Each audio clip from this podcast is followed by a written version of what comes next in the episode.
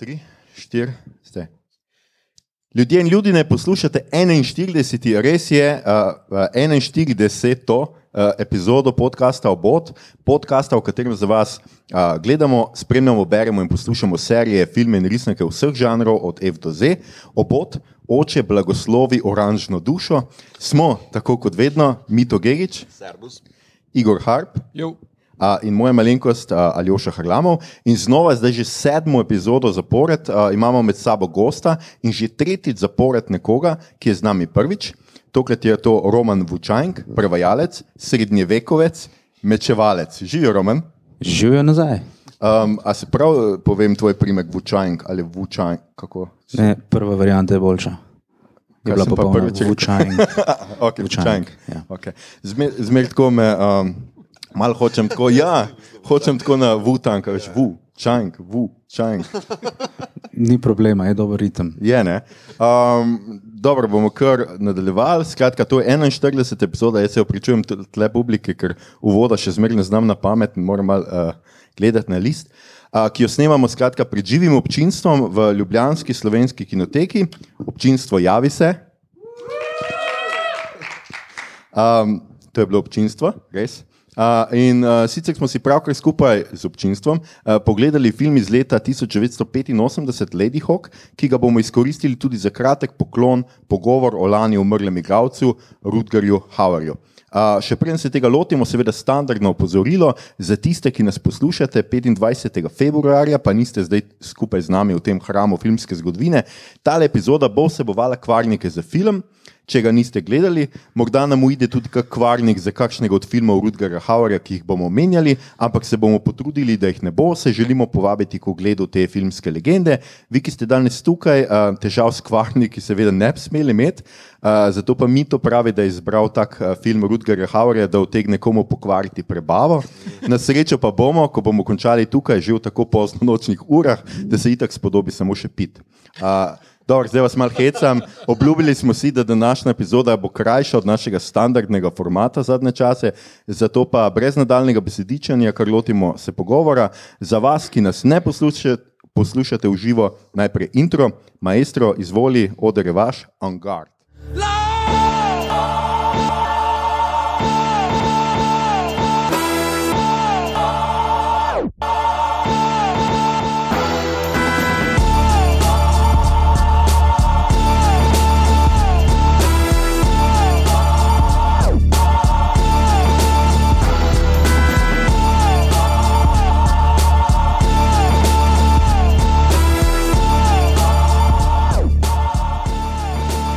Živijo, mi smo nazaj, skratka, pogledali smo si pravkar Lady Hawk. Jaz mislim, da za une, ki ste zdaj to poslušate, kot sem že rekel, 25. februarja, ne, ja, a, pač ne bomo jim obnavljali filma, ali pa mogoče bo kdo obnovil, bi kdo si ful želi obnoviti film. Uh, mislim, lahko zelo na hitro povemo, da gre za fantazijski film, pravljico, skoraj da uh, o vitezu in uh, neki spletični, ki ne vem, kaj Ni spletični. Hči grofa. Hči grofa, oh, ja, plimkini, boljš. Ok. Uh, ki jo je zlobni škof, uh, ljubosumni, uh, preklel, da je on čez dan volk. Uh, ne, on je po noči volk, ona je pa uh, čez dan. Ali nismo mi tega filma pravkar gledali? Pravkar. In jaz sem ga gledal, po mojem, osmič. tako da. okay. Uh, skratka, tako da se ne morete srečati, in potem na koncu se, seveda, vse srečno konča, ker je pravljica. In zraven je še Matthew Broderick uh, v vlogi Filipa Gastona Tatiča, ki močno spominja na njegov uh, najbolj znan uh, lik iz tistega časa, torej Ferisa Bullera.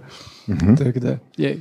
Res je, um, skratka, režiral, produciral ga je Richard Donner, film je iz 85. Mislim, da sem to že povedal. Nominiran je bil za dva Oscarja, ne boste verjeli, za zvok in zvočni miks. Uh, scenaristi Ja, so. to, to, ni, to ni glasba, zvoč, Se zvok vem, zvočni ni- miski. je nekaj Oj, oj, moj bog, no. Vse vem, da ni glasba, Mito. hvala, hvala. Ampak, eh, kaj sem hotel nekaj o glasbi povedati, ne glasba je Andrew Powell in še nekdo drug. Ki, In njegov synthesizer.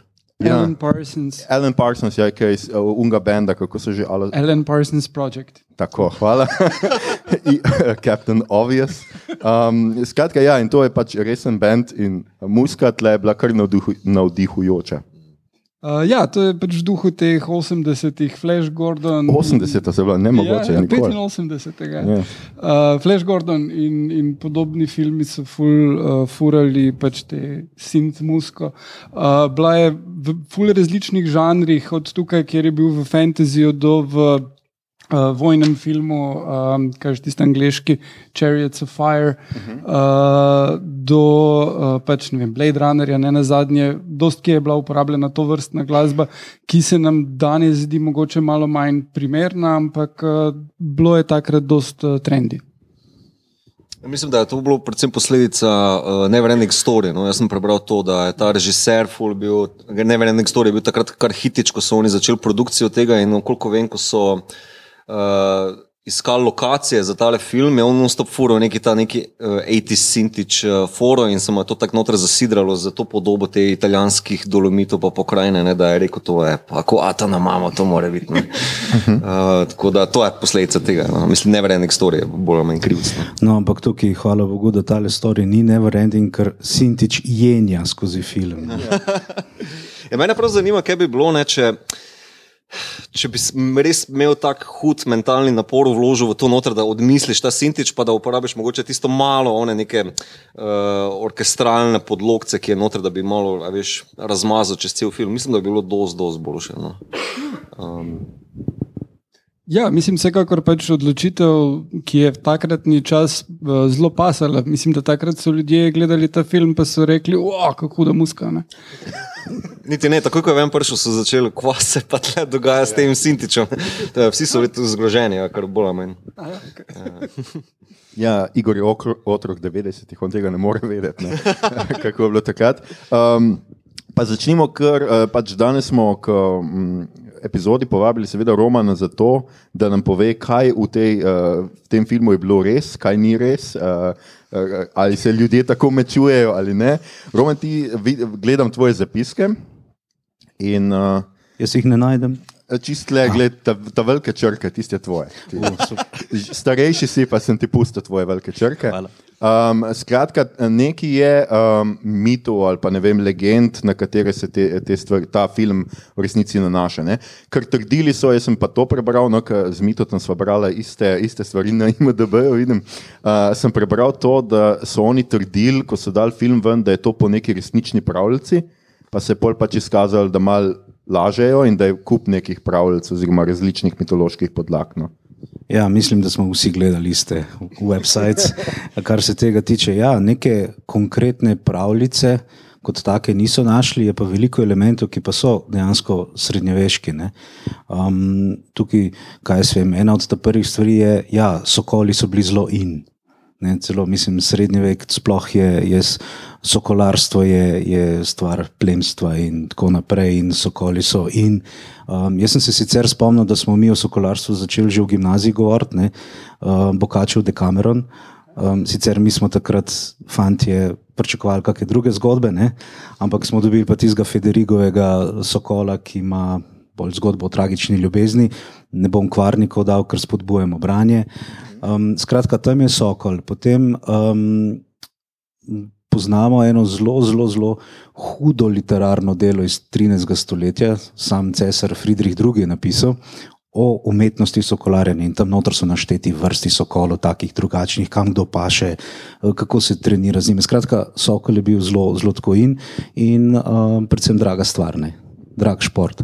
Ko smo že pri športu, um, zdaj v Sloveniji obstajajo sokolar, sokolarstvo društva in uh, si lahko nabavite sokola in pač ne vem, če lahko z njim loviš tam nekje, ampak gotovo se da s tem kar početi. Zdaj, kakšni so podnevi, kakšni so po noči, ne vem, uh, na njihovi spletni strani tega ni. Um, a ja, no, ko sem pri literaturi, sem tle napisal še, da um, če se spomnimo uh, kraljico Margone, tisti film. S tudi hudo musko, pa ni bilo sintesajzera noter. ne.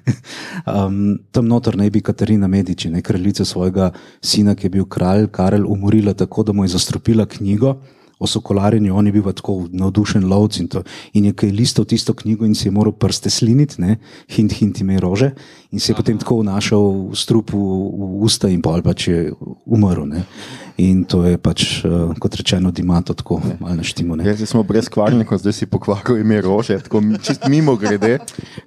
Ja, kaj ne rečem, ime rože, tudi v 80-ih ne nekje Ja. ven. Tako da, No, sej, če, če če, se vam če pa do zdaj niste videli imena rože, pol res. Mislim, kaj delate? tle? Mislim, uh, lahko preberete knjigo.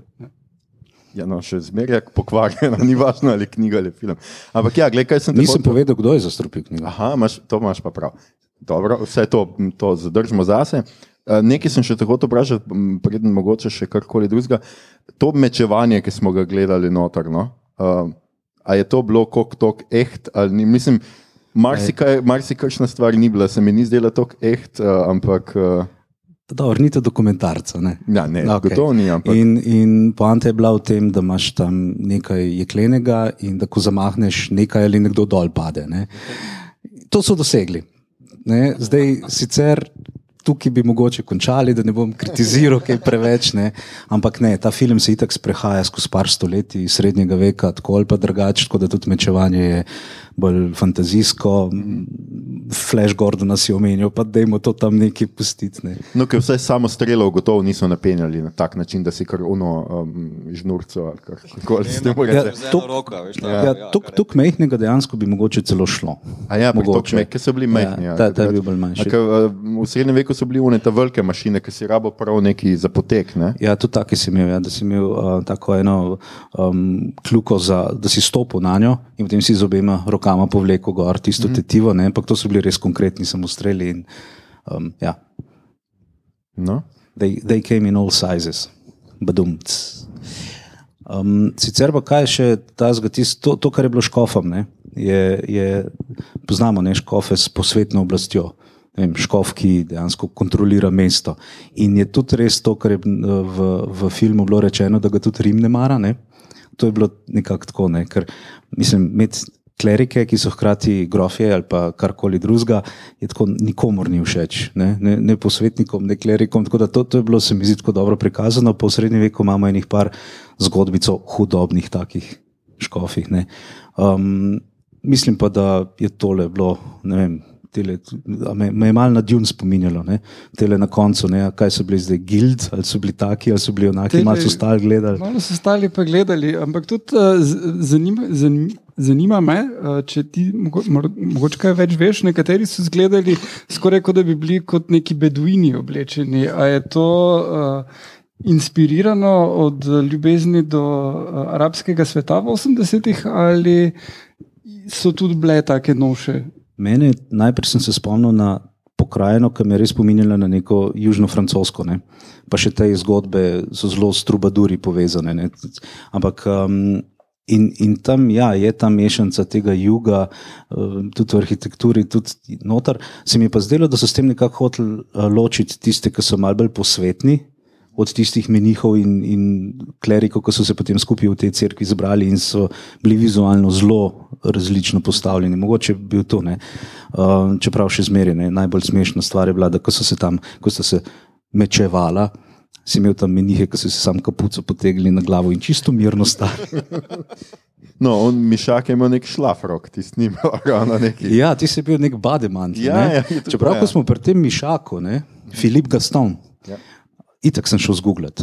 In to je dejansko bil načkov Bordoja v 14. stoletju s tem imenom. Sej, a Prav ni tudi, ime mu je bilo Mišak Filip Gaston. Za Mišaka ne vem, ampak Filip Gaston je bil.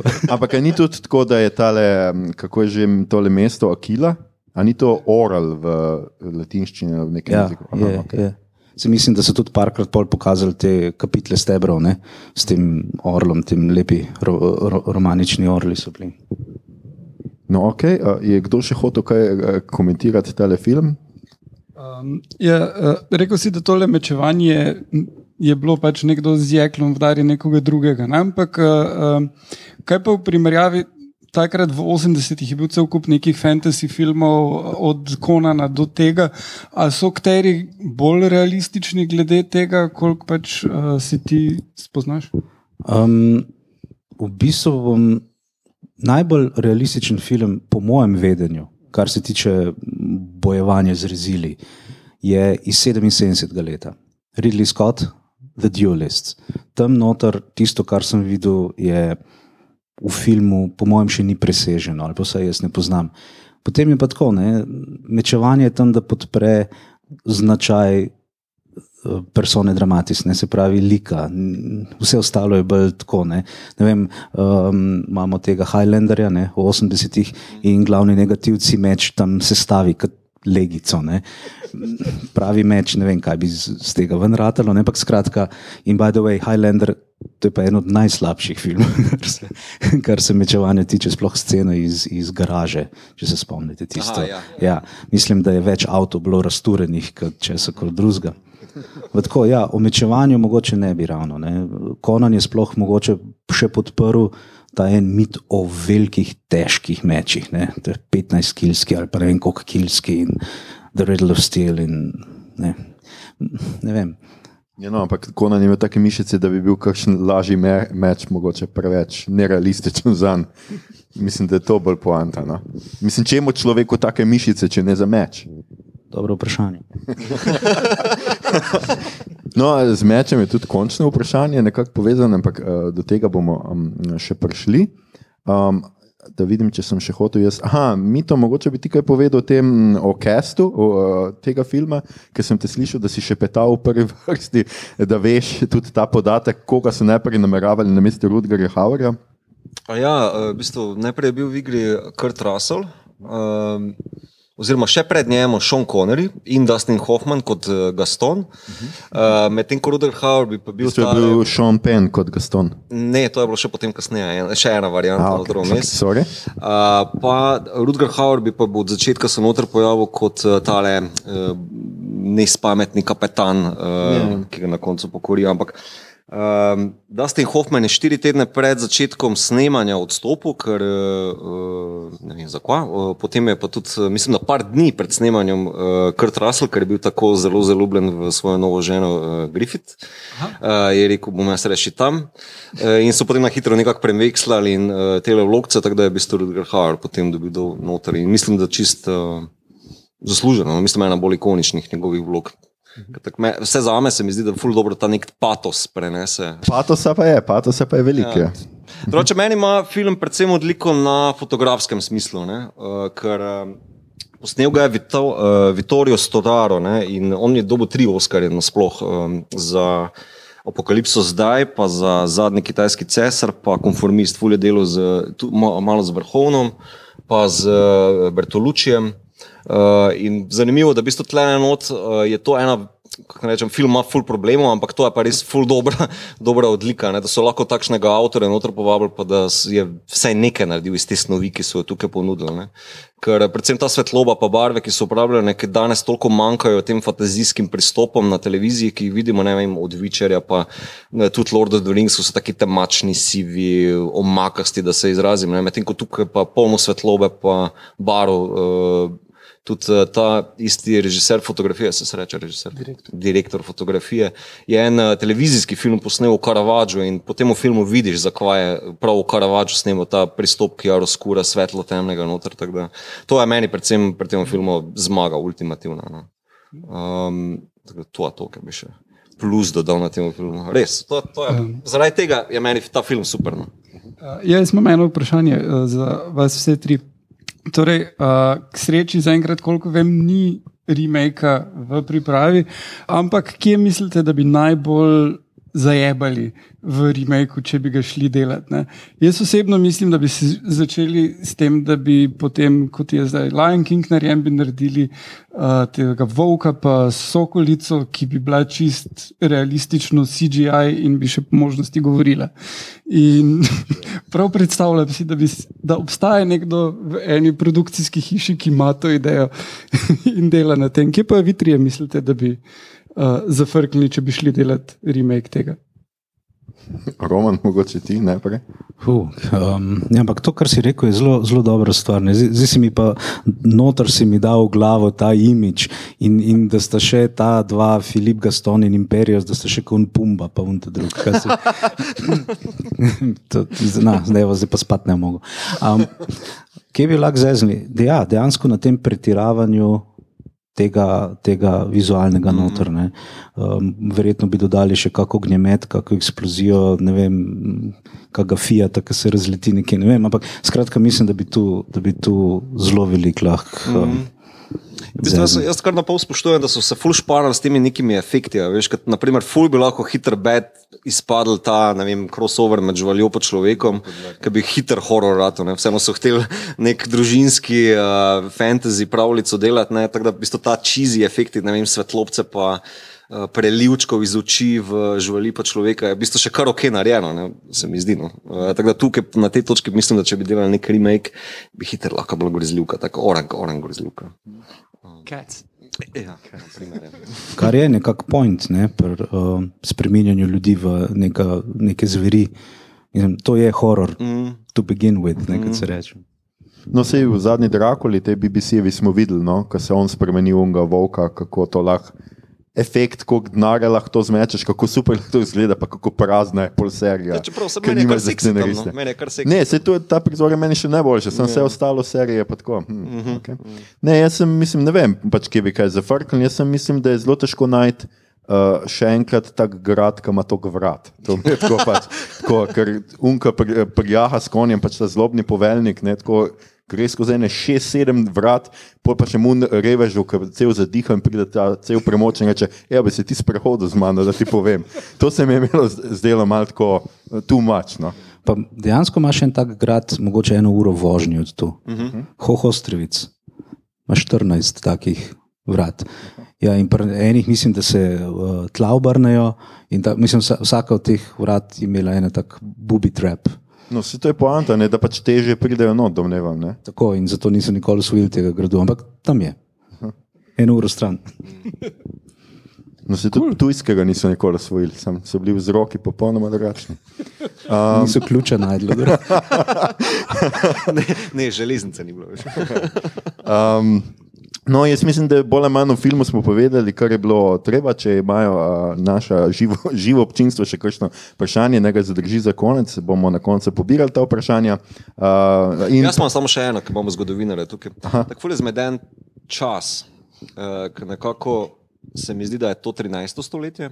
Govorijo pa tam o nekem, neki kugi, ki je pa čist kasneje. ne. Zdi se ti, da je to 13. Ja, stoletje. veš kaj, Tako pogleda si arhitek- pa arhitektura pa saracene omenijo. zdaj, Če si koliko toliko veš malo zgodovine, pa nisem stručko daleč od tega, ampak se mi zdi, da je to 13. stoletje, ne, nekako vse v moji glavi. No. Zdaj pa kuga, pa to je pa kasneje.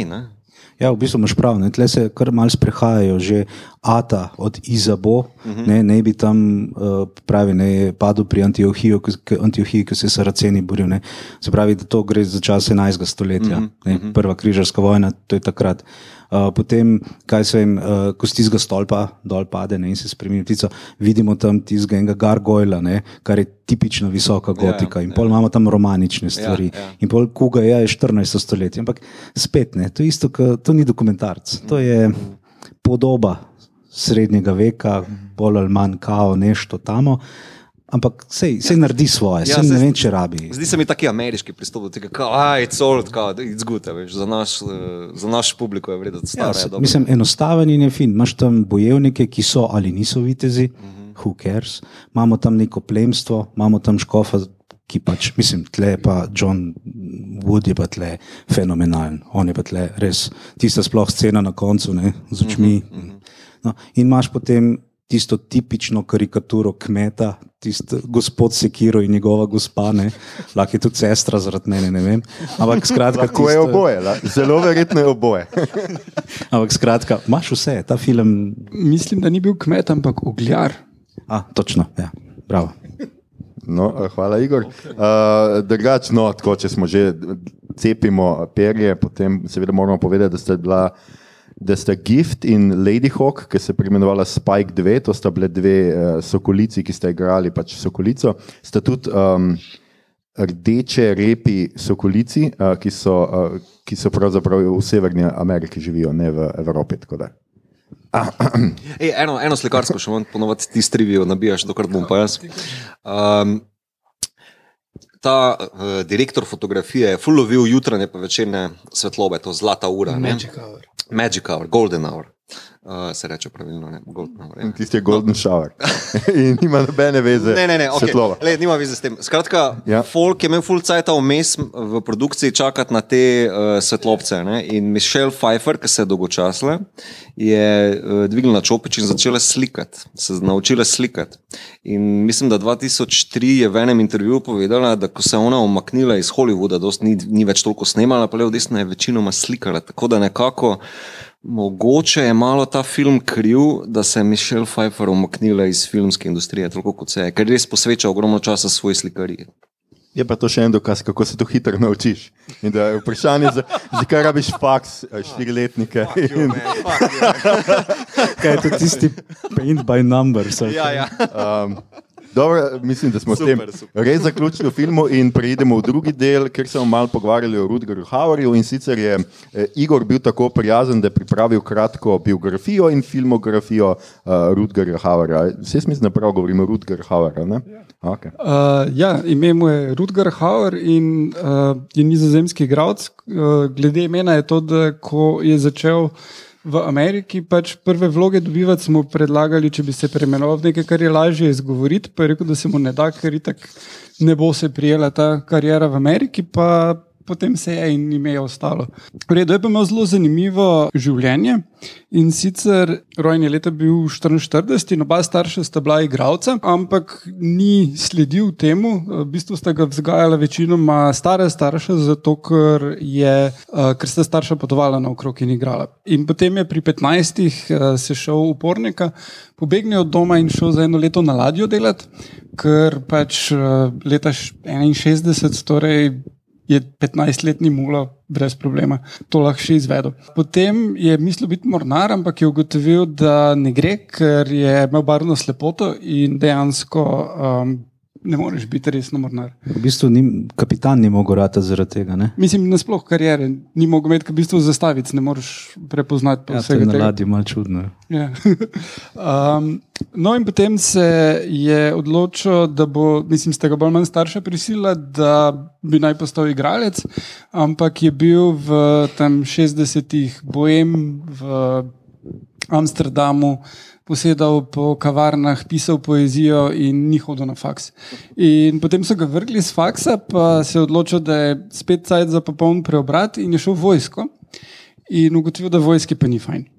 In potem pa je vso tisto igralske talente uporabil, da je prepričal komisijo vojski, da je nor in da je neuravnovešen, in so ga dali v eno institucijo za nekaj časa.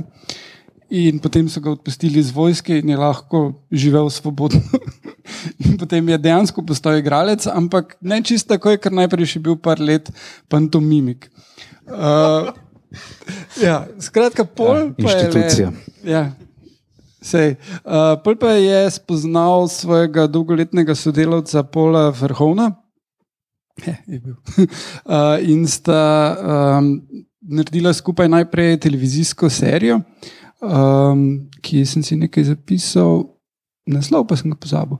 Um, ja, Floris uh, in je z njim je bil 24, je že vse to doživel do 24. leta, tako da mi, ki smo šli enostavno takrat ne vem, proti diplomi, smo kar malo uh, zamudili. No.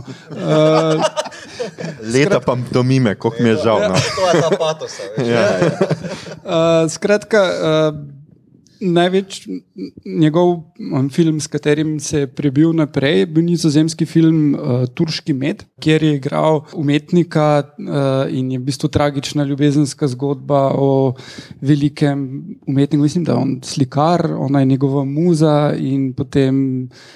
Se imata rada, se nimata rada. Dosta taka klasična zgodba, ampak uh, uh, ta le njegova intenzivnost in stik z ptiči uh, je, to iz tega filma tudi. Ne? On vedno je nekak ptiče držal rad v roki, skoraj v vsakem filmu. Prav. Ne vem, kak je naletel na to. Okay, Igor, a lahko pospešiš? Ja, ok, skratka. Uh, Soldat Van Oranje, bojno življenje in smrt o nizozemskem uporu proti okupatorju med drugo svetovno vojno je bil še en uh, film, ki sta ga s Vrhovnom uh, posnela in je bil velika uspešnica pri nas. Mislim, da je bil tudi v kinu Seks na motorju, o mladih motokrosistih. Mislim, s tem naslovom je zagotovo našel publiko. Easy Rider. Ja, samo nizozemski, pa motocross. Uh, potem pa je šel v Ameriko, uh, kjer je najbolj znan film, eden prvih, ki jih je posnel tam iztrebljevalec, Blade Runner. Uh, potem je sledil še Ostermanov vikend, uh, Blind Fury, ki ga bo Aljoša predstavil. Kasneje v karieri uh, Buffy, izganjavka vampirjev, je bil Dracula, mislim, da not. Kar je zanimivo, on je dvakrat igral Dracula v različnih filmih, pa enkrat Van Helsinga. In sploh ni edini igralec, ki je igral Dracula in Van Helsinga, kar eno par jih je. Tako kot je tudi eno par igralcev, ki so igrali Hudiča pa Jezusa. Tako da tu imaš neke take prestižne. Um, v 90-ih je bil ful znan po glasih za Guinness, ki so bili genialni in so tudi mene pripričali, da sem poskusil ta uh, temačen zvarek. My goodness. Ja. Thanks, Rudger. Uh, pa bil je videl z Kylie Mino, pa potem je imel še en resurgence karijere z Batman Begins, Sin City in Mitotovim novim najljubšim filmom Hobo with the Shotgun. Uh, tako da, ja, igral je v ogromno filmih. M, Vedno je rekel, da mu ni važno, če igra uh, good guy ali bad guy, njemu je glavno, da ima vloga nekaj čarobnega. Ne? In uh, tukaj smo si danes ogledali film, kjer je bilo dobesedno nekaj čarobnega v tej njegovi vlogi. Ja, pa pri vsem tem tip je dejansko bil vitez. Ne? Ti bi Aha. pa je dobil red nizozemskega leva, stopnja viteza, tako da kaj češ božga. Ja.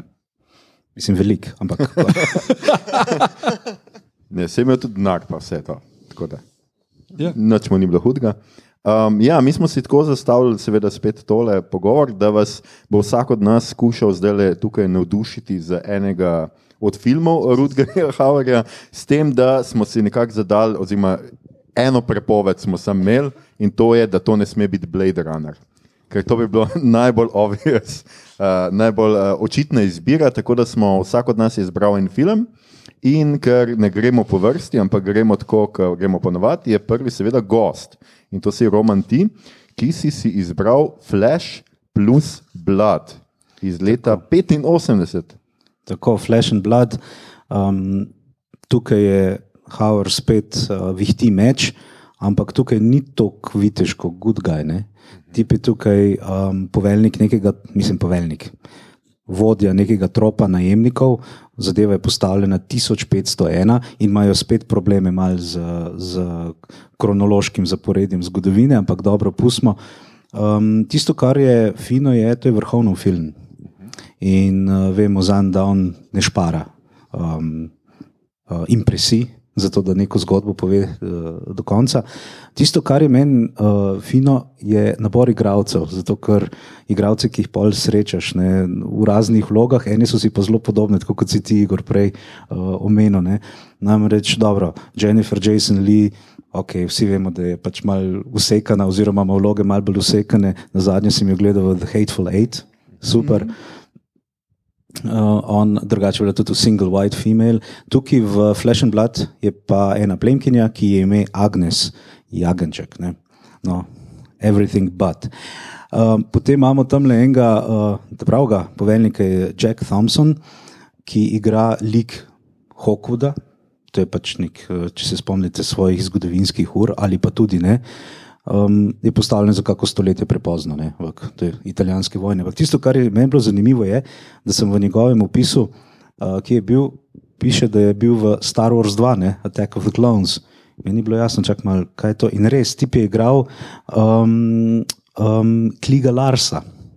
Se pravi, um, kaj bi to bil, krušnega detka od Luka Skywalkerja. Ne? Kakšen duo je bil zdaj. Ja. No, no, pa za zdaj ne naštevam ostale. Imamo tukaj enega Briana Jamesa, ki je uh, v Blade Runnerju, sorry, ampak nisem si mogel pomagati. Naj ti bo. On je eden od, en je od, eden od tistih uh, uh, človeških nečloveč, nečlovekov. Leon, ne? Leon, ja. Uh, in pa še v Fifth Element igra tudi uh, rahlo odsekan, in pa eden, ki je pa meni tisne s prstom z- z- z- pokazati, je pa Ronald Lacey, uh, ki v tem Flash and Blood igra enega, ne vem, mogoče tako kot le enega norega redovnika ali malo obnorelega duhovnika, ali pa samo enega, ki je pač enega kardinala zdaj ustavil in mu obleko ukradel, ne? namreč nosi kardinalski plašč in klobuk in pač ima neke vizije. V neravno treznem stanju. No, on je uh, bil v Blackadderju, on je bil tisti slavni Bishop of Bath and Wells, tiste epizode, če se spomnite, ta je briljantna. Um, mislim, da še istega leta ali tam nekje je igral v Red Sonja, tudi enega od malo norcih, en tak headgear je imel zelo zanimiv. Ampak najboljši je pa to, ko ga gledaš v oči, ki igra v Flash and Blood in ti njegov nasmeh in rečeš. Tebe sem že nekaj videl. In točno to, Raiders, Raiders of the Lost um, Ark, Indiana Jones, prvi del, on je bil tisti gestapovc, ki si je roko opekel. Mislim, skratka, ena taka faca, ki ne moreš. Okay, zdaj, se, no. zdaj vemo, o kom govoriš. Absolutno. Okay. No, skratka, film je pa tak čisti odbitek, zgodba je. Um, Bi človek rekel, kar neki, imaš najemnike, ne plačaš jim, začnejo gužvo delati, še večjo gužvo naredijo, uh, ugrabijo zaročen kot tvojega sina, greš iskat, vmes je malo kuge, v glavnem je pa vse ti zdajmo narediti, kao srednji vek, s čim več morije, s čim več umazanega na en način. In uh, film je bil flop, kot vem. Ne. Da, ja, ne sem to, tudi uh, Howard in Frhovn ste se skregali in potem niste več sodelovali nikoli. Uh. Ja, jaz sem slišal neko štorijo, da nisem slišal, prebral. Uh, da ste se ful kregali, ampak v nizozemščini, seveda, ne, in da so ostali cast prosili. A se lahko vidva kregate v angliščini, da vse vemo, za kva se gre. Ja, to je popcorn ja, moment. Ja, ba je bilo, so bili epski kregi. No, Kako sta potem uh, prekinila sodelovanje za, ja, sploh, ja. Ja, tisto, kar je rekel vrhovni, je to, da nikoli več ne bo žrtvoval uh, scenarija za to, da denar dobi. Mhm. -huh. Ker je moral iti v Ameriko in prosjačiti in tam v Ameriki so rekli, da oni hočejo pa love triangle. In, ne, ja, ja. Nek, vem, Rudger, eh, Rudger je malo skrbelo pri tem filmu Flash and Blood, um, da bo uprizoril zopet eh, enega bad guya in da bo to škodilo njegovi ameriški karieri, da ga ne bojo typecastali. Zatem je pa potem Lady Hawk posnel, kaj pa. Ne. Kaj ja. pa ja. Mhm. Tisto, kar ga pa opere. Ne? No, filme pa spet ne, mislim, če gledaš tako, um, kar sem prej rekel, ne, slikati nek srednji vek, zato da je srednji vek jim je uspelo popolnoma, čeprav je noter par takih nonsensov, ki ljudem, ki ne vem, hodiš skozi mesto v Evropi, pa ti je jasno, da ni. Vem, fi, en, pomembna točka tega filma temelji, da je tam najdejo en kip svetnika in ima ta svetnik meč in si reče, ja, to je sveti Martin in temu Havarjevemu um, liku je ime Martin in ja, to je znak dobro veš, da ni pač edini meč, ni, ni edini svetnik z mečem in tako naprej. Tukaj so malo taki heci, ampak who cares? Uh mhm. -huh. Mislim, film ni namenjen temu. Ja, to so bili filmi pred snežinkicami, ki so se javljali za vsako napako v, v filmu, oziroma kako s tem reče, fenom, ne snežinke. Uh, ja, si še hotel, kaj Roman povedal, če kaj v tem filmu, zakaj ga sploh gledati, samo zabavanje. Um, ok, to otroci poslušajo, tole podcast? Ne, the best. Um, ta film sem prvič gledal, ko sem bil uh, najstnik v gimnaziji in tam pač je um, Jennifer Jason Lee. Mislim, treba več povedati. Ne? Mislim, in, in je, je tako zelo, zelo uh, um, široko grudna in odkrito, odkrite scene so. To, ampak zakaj ta film zdaj gledati, je pa v bistvu zahec pa en character development je, Martin je bad guy, ki je v bistvu dober guy, ki ga skrbi za. Ne, ampak ga na koncu skrbi pa najbolj zase, tako da spet nekako priješ na okrog. Um, ni nek hud presežek, je par dobrih scen, nasmejiš se tu pa tam, kdaj v bistvu pa to. In spet gre na to, da um, evropska medicina se ima še za veliko zaučiti, tle, ker je kuga. In uh, na začetku filma še morajo kri spuščati, na koncu filma že vejo, da morajo tiste bube prerezati. Skratka. No, skratka, kakšni bodoči medicinci ne se to kar pogledajo. Mi to, jaz bi kar nadaljeval mogoče s tabo, ker si pogledal en zelo zanimiv uh, film, ki te je navdušil. Ja, meni, je, meni je roman zvizno Flash and Blood, da bi ga še enkrat tako, da sem potem šel neki. Javno se še enkrat upravičujem. In to za, za tak minuto. uh, no, jaz sem pogledal Hobobi the Shotgun, to je film iz 2011, je pa nastal kot uh, rezultat bistvenega razpisa za kanadsko, uh, uh, za kanadski prikaz. Um, Grindhouse, torej Rodrigozevega uh, Grindhouse, ki je šel v tam demo z uh, že Dead Proofom, ne, Tarantinovim, ne, ker noter so uporabljali mašeti in uh, Hobo with a Shotgun fake trailer. Ne. In uh, pol so nekako videli, da ja, pa se ta fake trailer isto kot mašeti nekako zgleda ogabno kul cool in so ga posneli. Tako da iz tega je nastal pač Hobo with a Shotgun in točno isto je ogaben je tudi v celo večerni inačici. Um, štorija je simpel, dogaja se v Hope City, kjer, kjer pač ni bolj slabih ljudi. eh, Ne, ne moreš si zamisliti bolj slabega okoliša ali pa slabih ljudi, same droge, posilstvo, prostitucija, pedofilija, uh, božički posiljujejo, vem, ubijajo se na mor- morje. In uh, bolj ogabno je, bolj šprica kri. Mislim, res film je ogabno, 3PM. Uh, jaz sem ga opisal tako, kot uh, da gledaš žolč uh, pobarvan z otroškim smehom. To je, ne, ne, res. To si bom zapisal. Če, če dam kaj plus temu filmu, je, da ti zelo um, žolč nabija, kako naj rečem, kislino, no? ne vem, uh, ogabenje. No? Uh, barve so ogabne, kamera je ogabna, igra je na pol ogabna, ne vem, ne vem kako naj rečem, ampak je pa tako ogabno, da je že kul. Cool. Um, Štora je simpel. Hobo slash uh, Rudgar uh, pride v to mesto in takoj se začnejo na njega spravljati. Pač. Ker tam v tem mestu se vsi spravljajo na brezdomce. Ne? Oni so najnižja kasta od najnižjih. Ne? Ne vem, tam imaš enega režiserja, ki uh, denar tala um, brezdomcem, zato da se um, ne vem, na neko nasilje sami nad sabo uh, izvaja. Ne Vem, en, v enem prizoru je uh, steklo, naprimer, pa mu gnare tiši v usta, en se toče.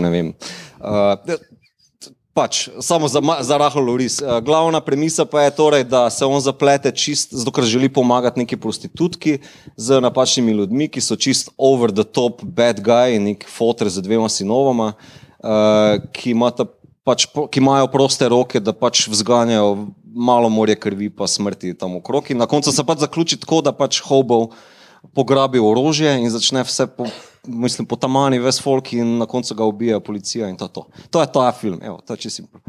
Um, Pozor, kvarniki. ni kvarnikov, to je to, kaj ne rečem. Ne vem. Tukaj je že, tukaj je že skvarjeno, da ne moreš imeti Ja, kvarnikov. to je pokvarjeno to mesto, da še kvarniki. Leka, nekako, nekako bi rekel, da Rudgar je imel par vlog, ki so malo tako B filmi v 80-ih, ampak tisto še nekako drži. Veš, tukaj v 12 se mi pa zdi, da je že malo konec njegove kariere uh, v Zatonu. ne. Uh, In da, da ga pograbi nek mlad eh, debutant, režiser, ki je naredil to kot nek razpis za fake trailer, da mu da takšno vlogo, kjer on potem samo šica folk in na najbolj gnusne možne načine. Moram tudi priznati, da je bil film res quotable, ker eh, ful so si vzeli časa, da je res ta tiste, kako ne rečem, B-movie uh, quotes, da so noter, uh, ki ne vem, ker so probali na začetku scenarija reči, to je super citat, dajmo to noter. Na koncu je že tako over the top, da what the fuck, res what the fuck, nek on božiček, ki, naprimer, pardon, to je res ogabno, božiček, ki gleda otroško igrišče z uh, daljnogledom in se ga začne na roke metati, on pa pride zraven, pa kako že reče, um, se upravičujem za ta izraz. Uh, Jerk off to this, you child molesting shit, liquor, he shoots Santa Claus. Um, potem drugi so, are going to hell and you're riding shotgun.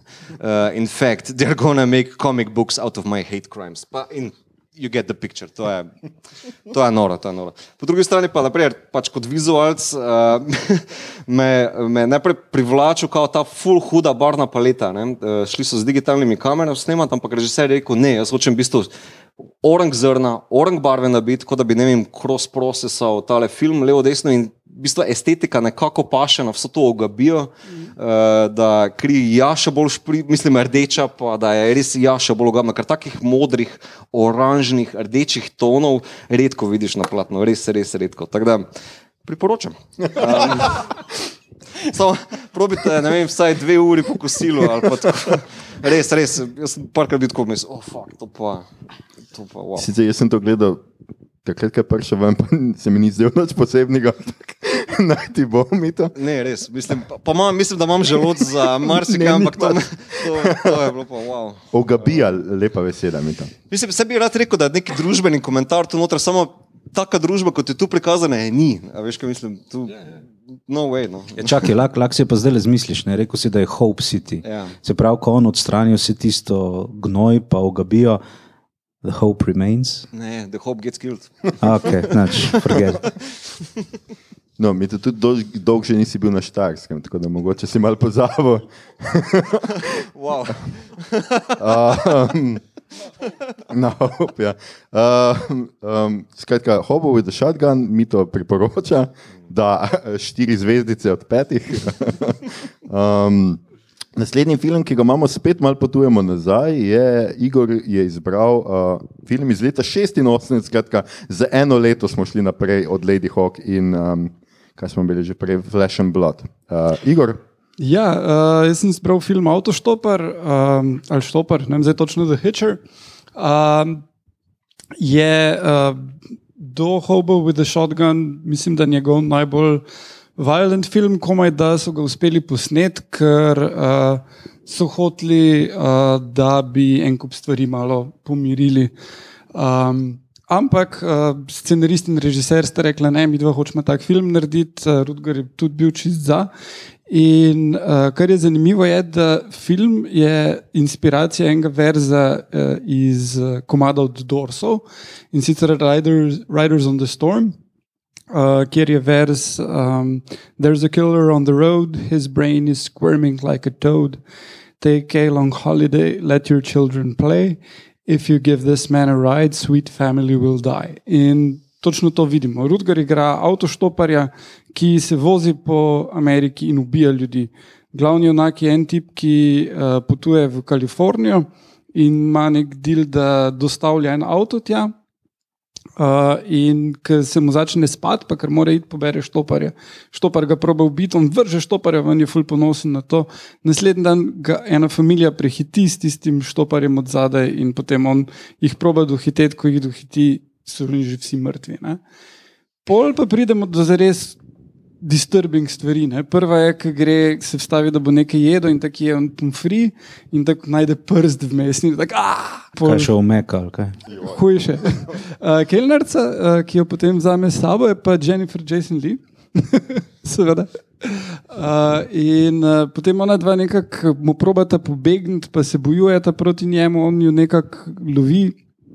Skratka, potem cel cajt pa v bistvu štopar proba glavnega junaka pri, prisiliti v to, da bi postal bolj aktiven. Prav tako, kot da bi imel zraven ne vem, nekega tega, kot ti scenarij pili, pa reče, tvoj junak ni dovolj aktiven. In potem ga prisili do te mere, da eh, Jennifer ugrabi in jo zveže med tovornjakom pri kolcu in raztrga, in potem še le se on aktivira in maščuje. Tako da ta scena, ko njo raztrga, je, je bil tisti problem, zakaj so ful težko najdli uh, studio, ki bi podprl film, ampak zaradi te scene je film postal fulkulten in uh, je še danes tako. In pol, ko so naredili uh, remake uh, 2007 z Seanom Binom, uh, ni bilo tega. Tam je pa potem uh, že malo ta feminističen val prišel, oziroma kot so ga razumeli v ameriških študijih takrat, in je potem ona tista, ki rešuje tipa, pa mislim, da pol tipa ubijejo. Na tisti točki sem že skoraj spal, ker Sean Bean je kul, cool, ampak nima dovolj karizme, da bi ta film nosil. No. Ja, Ga ubijajo. uh, da. Da, okay. Just checking. Ja, jaz se ga ne spomnim več toliko, ampak uh, vem pa, da, je bil, da se mi je zdel kar skeri, ker sem bil mulj. Ja, ko Ja. sem gledal tega. Ja, ja, je. Uh, ker za razliko od recimo Hobota sem gledal, tega Flash and Blood nisem, pa še cel kup pač Rudgerov, ampak tega se pa prav spomnim, ker je tako ikoničen. Uh, a si, a imaš, aha, tle, k, k, iz avta pa ta njegov divji, besni, nori pogled, no, ki ga Rudger ima in ga mogoče imajo vsi nizozemci, ne vem. Ja, vse ona, Melisandre je tudi uh, nizozemka, tako da no. z Game of Thrones. Ja. Ja, pa tistih par mečevalcev, nizozemcev, ki jih poznam, mogoče imaš, imaš nek point tle. Ja. No, pa jaz imam zmer kak point. Um, Igor, uh, si še hotel kaj povedati? Um, Um, še kakšna gnusna scena? Uh, ne, ne, mislim, sej, uh, film je uh, zelo zanimiv, film ima dober uh, pacing, pa vse, zelo v redu se je tudi postaral. In uh, uh, je zanimivo ga gledati z nekom, ki. Komorkoli, ki ne pričakuje, da se bo to zgodilo, ker tista scena je čist šokantna, ker pravzaprav ne moreš verjeti, da bodo šli skozi. Hmm. Uh, in uh, ja. Priporočaš? Ja, za tak družinski večer. Da mi povej, ti pobereš, da je kaga štoperja, potem, ko si videl ta film? Uh, mislim, uh, ko včasih sem full štopal in tudi full pobiral štoperje, zdaj pa nimam več prostora v avtu toliko. v prtljažniku je mislil namreč. No, uh, hvala, Igor, da si ja. razložil svoje. Zdaj pa, Aljoša, kaj si pa ti izbral? Dneve serijskega morjenja. Ja, jaz sem pa izbral uh, Blind Fury, to je film, ki si ga ne predtem ukradel, Igor, pa si se pol, hvala Bogu, premislil in si vzel avto štoparja. Uh, Blind Fury sem jaz izbral uh, zato, ker me nam veže tudi lepi spomini. Je iz leta 89 in to je eden mojih uh, najljubših filmov moje mame, bil zmeraj, ker je zelo imela rada Rudgarja Havarja. Uh, in uh, zgodba je v resnici zelo simpel, nek vojak je v Vietnamu, uh, napadajo jih, zasede ravno tisti dan, ko bi mogli domov, on oslepi v tem napadu in potem ga najdejo tam neki vaščani in eden od njih ga nauči, um, kako bi rekel, pač mečevanja ali karkoli se pač to, ta stvar imenuje. Um, uh, Rudger Hauer je za ta film mesec dni vadil z slepcem. Pač kako pač biti slep, kako igrati slepega človeka, mesec dni pa je igral z nekom, um, ki je pač tudi uh, mečevalec, da ga je naučil pač enih teh stvari. In v tem filmu je nekaj groznih prizorov, skratka, ena roka odleti, uh, enega na pol preseka in tako, ampak noč tako strašno. Pač vse, kar vidite v vsakem Tom in Jerryju. Uh, in um, režiral ga je drugače Filip Noyce. Ki je drugače režiral tudi dva filma z Jackom Ryanom, se pravi Patriotske igre in Clear and Present Danger, ne vem kako je to um, naslov v slovenščini, drugače pa tudi The Saint z Wallem Kilmerjem, če ste to gledali, pol, pač veste približno, kakšen film je to. Drugače je pa tudi naredil Salt uh, iz 2010, tega nisem, jaz nisem gledal. Um, pa nekaj takih zanimivih ljudi igra noter, tudi Terry O'Quinn uh, igra um, Howardjevega kolega iz Vietnama, ki je takrat zbežal in zaradi katerega je Rudger pravzaprav so njega ujeli in vse to. To je pa model, ki ne vem, če se ga spomnite, bil je v Lost, je igral uh, uh, Johna Locke, jaz nisem gledal Lost, tako da to nekaj pove. To je eden od glavnih likov. Ja. Aha, no, skratka, to pove unim, ki se gledajo. So it was lost on you. Ja, it was lost on me. In Petra Watsa v Millenniumu, to sem pa jaz gledal, um, to je pa ena serija iz 96. Uh, igral pa je tudi en zlobec, noter, ki je bil meni zelo všeč, najbolj tako zabaven, Randall Tex Cop, o katerem sem prebral, da je bivši boksar in da um, zanj pravijo, da je verjetno ena najboljših brad vseh časov. Skratka, imel je zelo izrazito ta, to brado ameriško, pač štirikotno, kako kakorkoli že. Um, uh, skratka, ko Rodger, seveda, tam v tisti vasi je ne vem kako dolg in pol nenadoma se ga najdemo sred Floride, je pač slep, hodi okrog in poišče tega bivšega partnerja, pač uh, kolega iz vojske. A ravno takrat, ko na dan pošljajo, pač ko na družino pošljajo neke zločince, ki ubijajo njegovo bivšo ženo in hočejo ugrabiti otroka, vse zato, da bi njegovega bivšega kolega pripravili do tega, da bi jim zmešal neka eksploziva, ker je pač full nek kemik. No, in Rudger se vmeša, in seveda vsi so tako presenečeni, ker je pač slep, pa obvlada meč. Uh, vsi njegovi ostali čuti so priostreni, in zaradi tega sem jaz danes oblekel tudi primerno majico, Daredevil, seveda, um, ker pač malo spominja na to. Ampak v resnici je to remake uh, za Tuičija. Se pravi, in sicer mislim, da 16. filma od 26 filmske serije. Uh, je to um, priredba, kako je že naslov, za Tuiči eh, Čikemuri Kajdo iz 67. Um, to sem hotel povedati, tudi tle nekaj, kar nekaj zelo zanimivih, uh, dobrih citatov. Uh, skratka, ko ta šef, uh, ko njegov glavni henchman pride in mu pove, da tega slepca ne morejo dobiti, da jim skozi beži, in ta šef reče: Ok, uh, poiščite mi Bruce Lee. Pa mu rečem, šef, Bruce Lee je mrtev. Ok, poiščite njegovega brata. Mislim, Totalno neumne stvari, pol prestreljajo neko uspenjačo ali kajkoli že to je, ni gondolo, no, prestreljajo pač v božjo mater, ki mislijo, da sta ona dva noč, seveda dva ona dva že pobegneta pri spodaj. Uh, in eno tipo reče: That thing's got more holes than my daddy's rubber. Uh, tako pa pol on vozi na neki točki, vozi avto in se mu en tip zadere, ej ti, a si ti slep in on reče nazaj, ja, kakšen je pa tvoj izgovor. Skratka, kup enih takih, še, pa ne, še ena scena mi je bila ful dobra in je ravno s tem teksom kobom. Uh, uh, pač neki dve starki vržeta ven z avta, ki sledita Rodger Howard in se brez, brez avta, pač se usedete not in pedete, ona starka potegne ven iz svoje torbice nek magnum, ne vem kaj, ima prestreli zadnjo šajbo za njima in on tip v avtu reče, šit, zato pa snija za gun control. Uh, Skratka, tako je, no, zabaven film, ura pa pol mine takoj, um, ne razumeš, zakaj ima slep uh, mečevalec uh, digitalno uro, ampak uh, take stvari, no, simpatičen filmček in zagotovo nekaj, kar, kar absolutno morate pogledati. No. Zato, ker ko si mečevalc, nimaš časa na viaturo. Maš prav, na to pa jaz nisem pomislil. Jaz sicer res sem bral na IMDB, jaz se tega več ne spomnim, ampak te ure so lahko tudi govorile. Ne? Se pravi, če si ti pritisnil, ti je nekdo povedal, ker cajt je. No, to se analogni moram mal bolj redke dogajati. Ja, je pa tudi res, da tega filma nikoli ne vidimo. Tako da ne veš, če je to ali ni, mogoče ima kakšno sentimentalno vrednost, ampak tam vojni je ni imel. no. A, čakaj, poznamo še eno uro sentimentalno vrednost in Vietnam. Le kje sem to slišal? Ja, uh, sem tam en drug igralec, ki ga jaz včasih zamešam z Rudgerjem Harjem. Ne da? Ja, Ja, ja. si podobni. A, tudi iz pogleda. Ne, tisti Ja, Karizma, pogled. ja, tale, zelo močno karizmo imata in tudi oba lahko igrata psihopate, če je treba, pa hkrati sta lahko tudi prijazna. Uh, to ni tako ful pogosto. Ja. No, za tiste, ki mogoče niste razumeli, govorimo o Kristoferu Walkenu. Um, kdor ni tega razumel, naj se pač dela, da je. Um, Se reče self-flagellation s kuhanimi špageti, ker če pa niste slišali za Kristofera Walkena, to pa ne, mislim, se, to so slišali, se mogoče niste razumeli, da je, o kateri uri je govora. Mi smo se mogoče malo tako preveč kriptični. a misliš, da smo.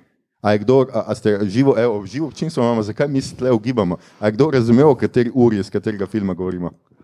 A Pulp Pulp Fiction, evo. No, skratka, da potrdim, nekdo v publiki je dvignil roko in je vedel. Uh, skratka, ne pogovarjamo se sami med sabo, nisem nam smešno, ampak uh, mogoče. Ja, imam eno vprašanje, ali je v Blind Fury tudi scena, kjer sem, sem videl film, samo se ga res ne spomnim, kjer ima oči narisane gor, tako kot v Zatojiči od Kitana. Uh, ne, te- tega pa ni v Blind Fury. Ah.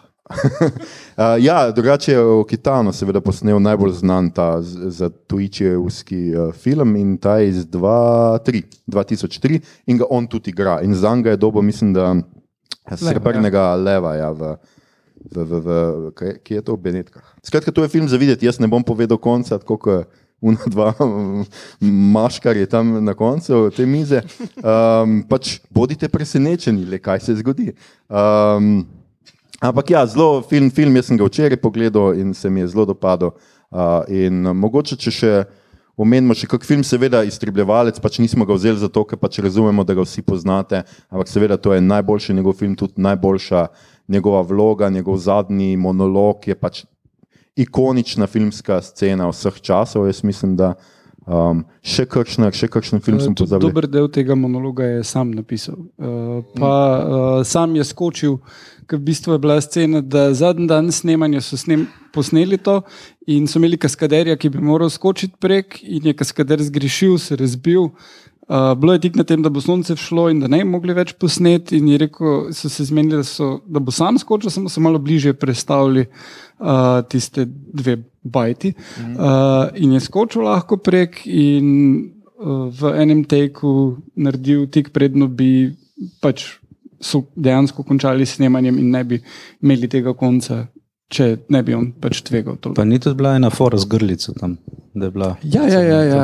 On, In ne vem, mislim, da Ja, mi to. to si ti pravo, da so ga imele ptice rade. Ja, ja. Ja, on je imel neko audicijo, pa ne vem, zdaj za, ali za Lady Hawk ali za uh, Blade Runner. Skratka, prišel je na audicijo, se pogovarjal z uh, režiserjem in mislim, da v enem kafiču samo roko stegnil, pa en ptič preletel, pa si ti, ti si naš, ti je kupljeno. Ja, nekaj kao legendarka. Ne. A pa Ni bolj čudno, da ni z Johnom Vujem nikoli igral, ker John Vu ima vedno tiste golobice, ki letajo, tudi ki nimajo smisla. ne, res nima. Pri njemu pa res ne. So pa lepe, tisti prizori so zelo lepi. Čeprav meni iz Blade Runnera v bistvu je naj, najlepši uh, dialog, uh, zraven zadnjega, ne, še tisti, ko pride do onega stručkota, ki dela oči. Uh, Ker reče, o, ti si pa Nexus 6 model, jaz naredil tvoje oči. Pa mu Rudgar nazaj reče, o, ko bi ti videl, kar so tvoje oči videle. Ne? Ko bi ti vedel. Ja. Ja, mislim, da je tak čudovit stavek. O, mi- Ja, okay. Zelo lepo. To je to, je kdo hotel še kaj o Rudgerju povedati, uh, lepega, kaj še za v spomin, svečko prižgati. Uh, ja, no, mislim, glej, pač njegovi filmi bojo ostali ikonični še full časa, sploh uh, pač Hobo with a Shotgun, seveda. Ja. Posebej mito si ga je dobro zapomnil. Um, ja, smo v zadnjem zaključnem delu tega šova, eh, te epizode, in se, smo se približali rubriki, ki se imenuje Kaj gledamo, beremo, poslušamo. Mi smo včeraj snemali epizodo, pač če, pred dvema tednoma, tista epizoda, ki ste jo poslušali, pred dvema tednoma smo jo posneli mi tle včeraj. In tam smo bolj ali manj vse povedali, razen mogoče Igor je kaj pogledal vmes. Uh, nisi. Uh, grozljivo. Eh, Tako da, Roman, rubrika je vsa tvoja. Kaj si pogledal, bral, slišal v zadnjem času uh, in te je navdušilo in je bilo žanrskega, pa tudi če ni bilo tako žanrskega. Um, jaz sem se kar pripravil za tole snemanje, ker, ker vas spoštujem. In, in Hvala. sem, sem kar rekel, da se moram držati te linije, in jaz sem ostal pri uh, teh malce čudnih klerikih. Ja, ne, totalno sem noter padel, ne, ta škof podoben in pa sem dejansko še šel neko literaturo srednjeveško iskati. In, uh, ja, by the way, je, je ene, ene tam fabule so, k, recimo celo en. Um, Um, svetnik, kaj je bil že, no, zdaj sem pozabil, oziroma nima napisano. Um, aha, sveti Patrik je tam uh, kralja Walesa spremenil v volka, pa take stvari. Ne. Mislim, To, to je un sveti Petr, ki je Patrikov dan, Irci imajo. Ja, ki je pregnal, ki je pregnal kače z kače. Irske. Ja, Ja. on je imel neki z živalmi, očitno. Ne. Ja, skratka, tega je bilo veliko no, in, in, in sem padel v te, v te malce čudne škofe. No. Tako da, kar gledam, je The New Pope. Um, zato, ker The Young Pope mi je bil zelo, zelo kul, cool, zelo všeč. Mislim, da so tam pelali ene, veliko stvari so zelo dobro pelali in mi je všeč, kako so jih uh, uh, zapeljali. Ta The New Pope z Malkovičem, pa mislim, kaj ne rečem. Uh, to, ki je v redu narejeno, da jim niti ni bilo tre, ni treba biti preveč resni sami v sebi. Tam se, mislim, da je celo ena scena, ki se o papež, ki, Malkovič, ki ga Malkovič igra, pogovarja o igralcu Malkovič. Ne? Pa je ena epizoda ima uvodno sceno s Sharon Stone in papež reče, če prosim, ne bi tam razkrižala, pa prekrižala noge, pa take stvari. Ne? In naredijo eno celo tako koreografijo iz tega. Um, Ja, tudi Marilyn Manson je. Marilyn Manson, ki se ni spomnil, kjer papež je. ne. Tako, who are you? Mm, mm. Um, no, skratka, tako da od teh uh, to nekako, če mi rata gledati, ampak uh, žal, žal čas ni na moji strani tokrat. Um, ja, je pa fina, čist fina serija. Mislim, da se zdaj tudi izteka, ne, če, če se prav Se spomnim. Koliko, koliko delov bo, 8 ali 10? se ne Mislim, da jih je deset. No, to nekaj, ja. Ja, Mislim, epsko je, epsko. Res, uh, v zadnjem delu no, sem povedal, da v bistvu, če Outsider, ki je tudi ena serija, trenutno, ki se odvija, ima ful tak ameriški feeling, pa ameriški pristop do fotografije, pa zgodbe, pa levo desno je pa New Pope, zelo evropejski, po videzu, pa po, po nekem, kako naj rečem, italijansko krizi pristopu do serije. Ker ne vem, liki so čisto, uh, čist out, uh, ampak, a veš, kaj mislim? Ja, mislim, na momente me je spominjalo celo ta, ta italijanski pristop k karikaturi. Uh -huh, Tisto, kar mogoče malo zaznavamo v Alanu Fordu. Uh -huh. mislim, res je, par takih pingov sem imel nazaj uh, s tem uh, Jank pa pol New Pope, da mislim, hej, ne. Ja. Milano scena. Ne, to, je taka. no, to, um, ja, pa spet sem mal uh, vrgel uč na Roberta Harrisa, kar se knjig tiče. Mislim, da si ti omenil Fatherland, ne, kjer je Howard tudi igral. Ne. Robert Tako je, Harris ja. je pa zgodovinar, ki je pol blazno zelo dobre narative pisal. In Fatherland, no, čisto na kratko, uh, to je dogaja se v 60-ih letih. In Kennedy pride k Hitlerju na obisk, državni obisk. In potem en inšpektor, ki je SS-ovc, ker takrat vsi morajo biti SS-ovci, ne, to so, ne, odkrije na vzhodu tračnice in pride skratka do tega, da so bili konclagerji. No. Skratka, da je Nemčiji uspelo ta del zgodovine tako. Hm, uh, uradna fabula je, Židi so nekje na vzhodu, uh, na Uralu se s partizani tepe. Mislim, skratka, in, in pol to spele. Čeprav film je bolj čuden. No. Film je tak TV film. Je, ja. Ja. Ni, jaz sem ga najprej hotel ta film imeti, ja, da bi ga predstavil, ampak pol nisem nekje. uh, staknil nobene dobre, res dobre kopije. No, tako ja, pa ni, ni tako dobro. Ja, no. ne, knjiga, knjiga je veliko boljša napisana. No, skratka, Robert Harris um, je napisal pa knjigo Konklave in to je 72 ur dogodkov. In mislim, tip se je res poglobil noter, tako kako eni postopki potekajo. In uh, zadeva ni akcijska, to ni tam angeli in demoni in ne vem. Polivanje z oljem in zažiganje v svetem Petru, in tako naprej. Ampak zelo tako na izi, velike notranjega, ne, tega, tega refleksije in samologov. Ne, um, ampak je pa, preber, mislim, prebereš pa v šubo in na koncu rečeš, ok. Ne, če bi bilo več takih pisateljev, ki take sorte stvari napišejo. Ne, uh, tako da, evo ga, to je, kaj sem gledal, kaj sem bral zadnje čase. No, super, skratka, mi smo vse povedali v prejšnji epizodi, tudi Igor ni nič pogledal, če to me zelo preseneča. Um, Uh, sem pogledal Jojo Rabbit, ampak o tem smo že govorili. ja, tako da, točno, a še enkrat si ga Še pogledal. enkrat sem ga A je pogledal. še vedno tako dober, Uh, boljši. še boljši, super. Ja. Ja. Tudi jaz ga bom še enkrat pogledal. Ja, jaz sem ga pred tremi dnevi, včeraj sem pa pogledal Picarda, no, mislim, tretji del uh, te nove Star Trek serije. It's good. Zelo uh, engaging. Ne.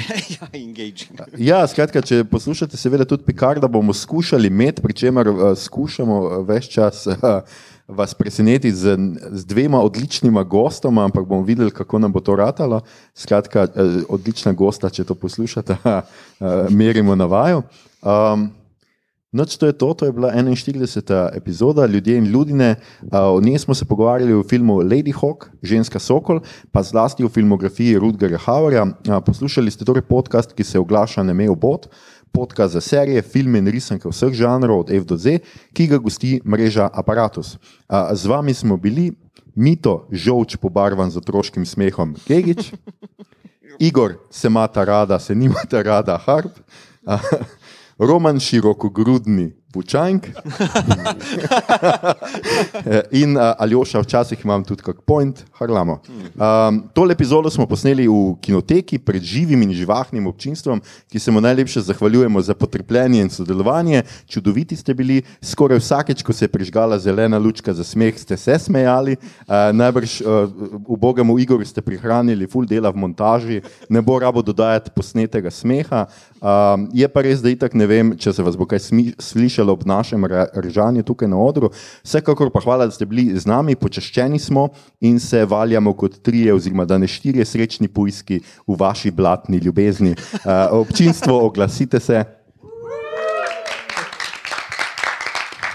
V tokratni rubriki izbira, oziroma vprašanje na hitro, kak- kako bi dali ime svojemu meču, oziroma roman zate. Vprašanje, ali imajo tvoji meči ime, imena.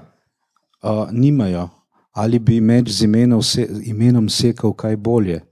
In glas izpod jezera, pa ni Taras, ženski glas je. Reče ja. Vsi veste, o katerem meču govorimo. Ne?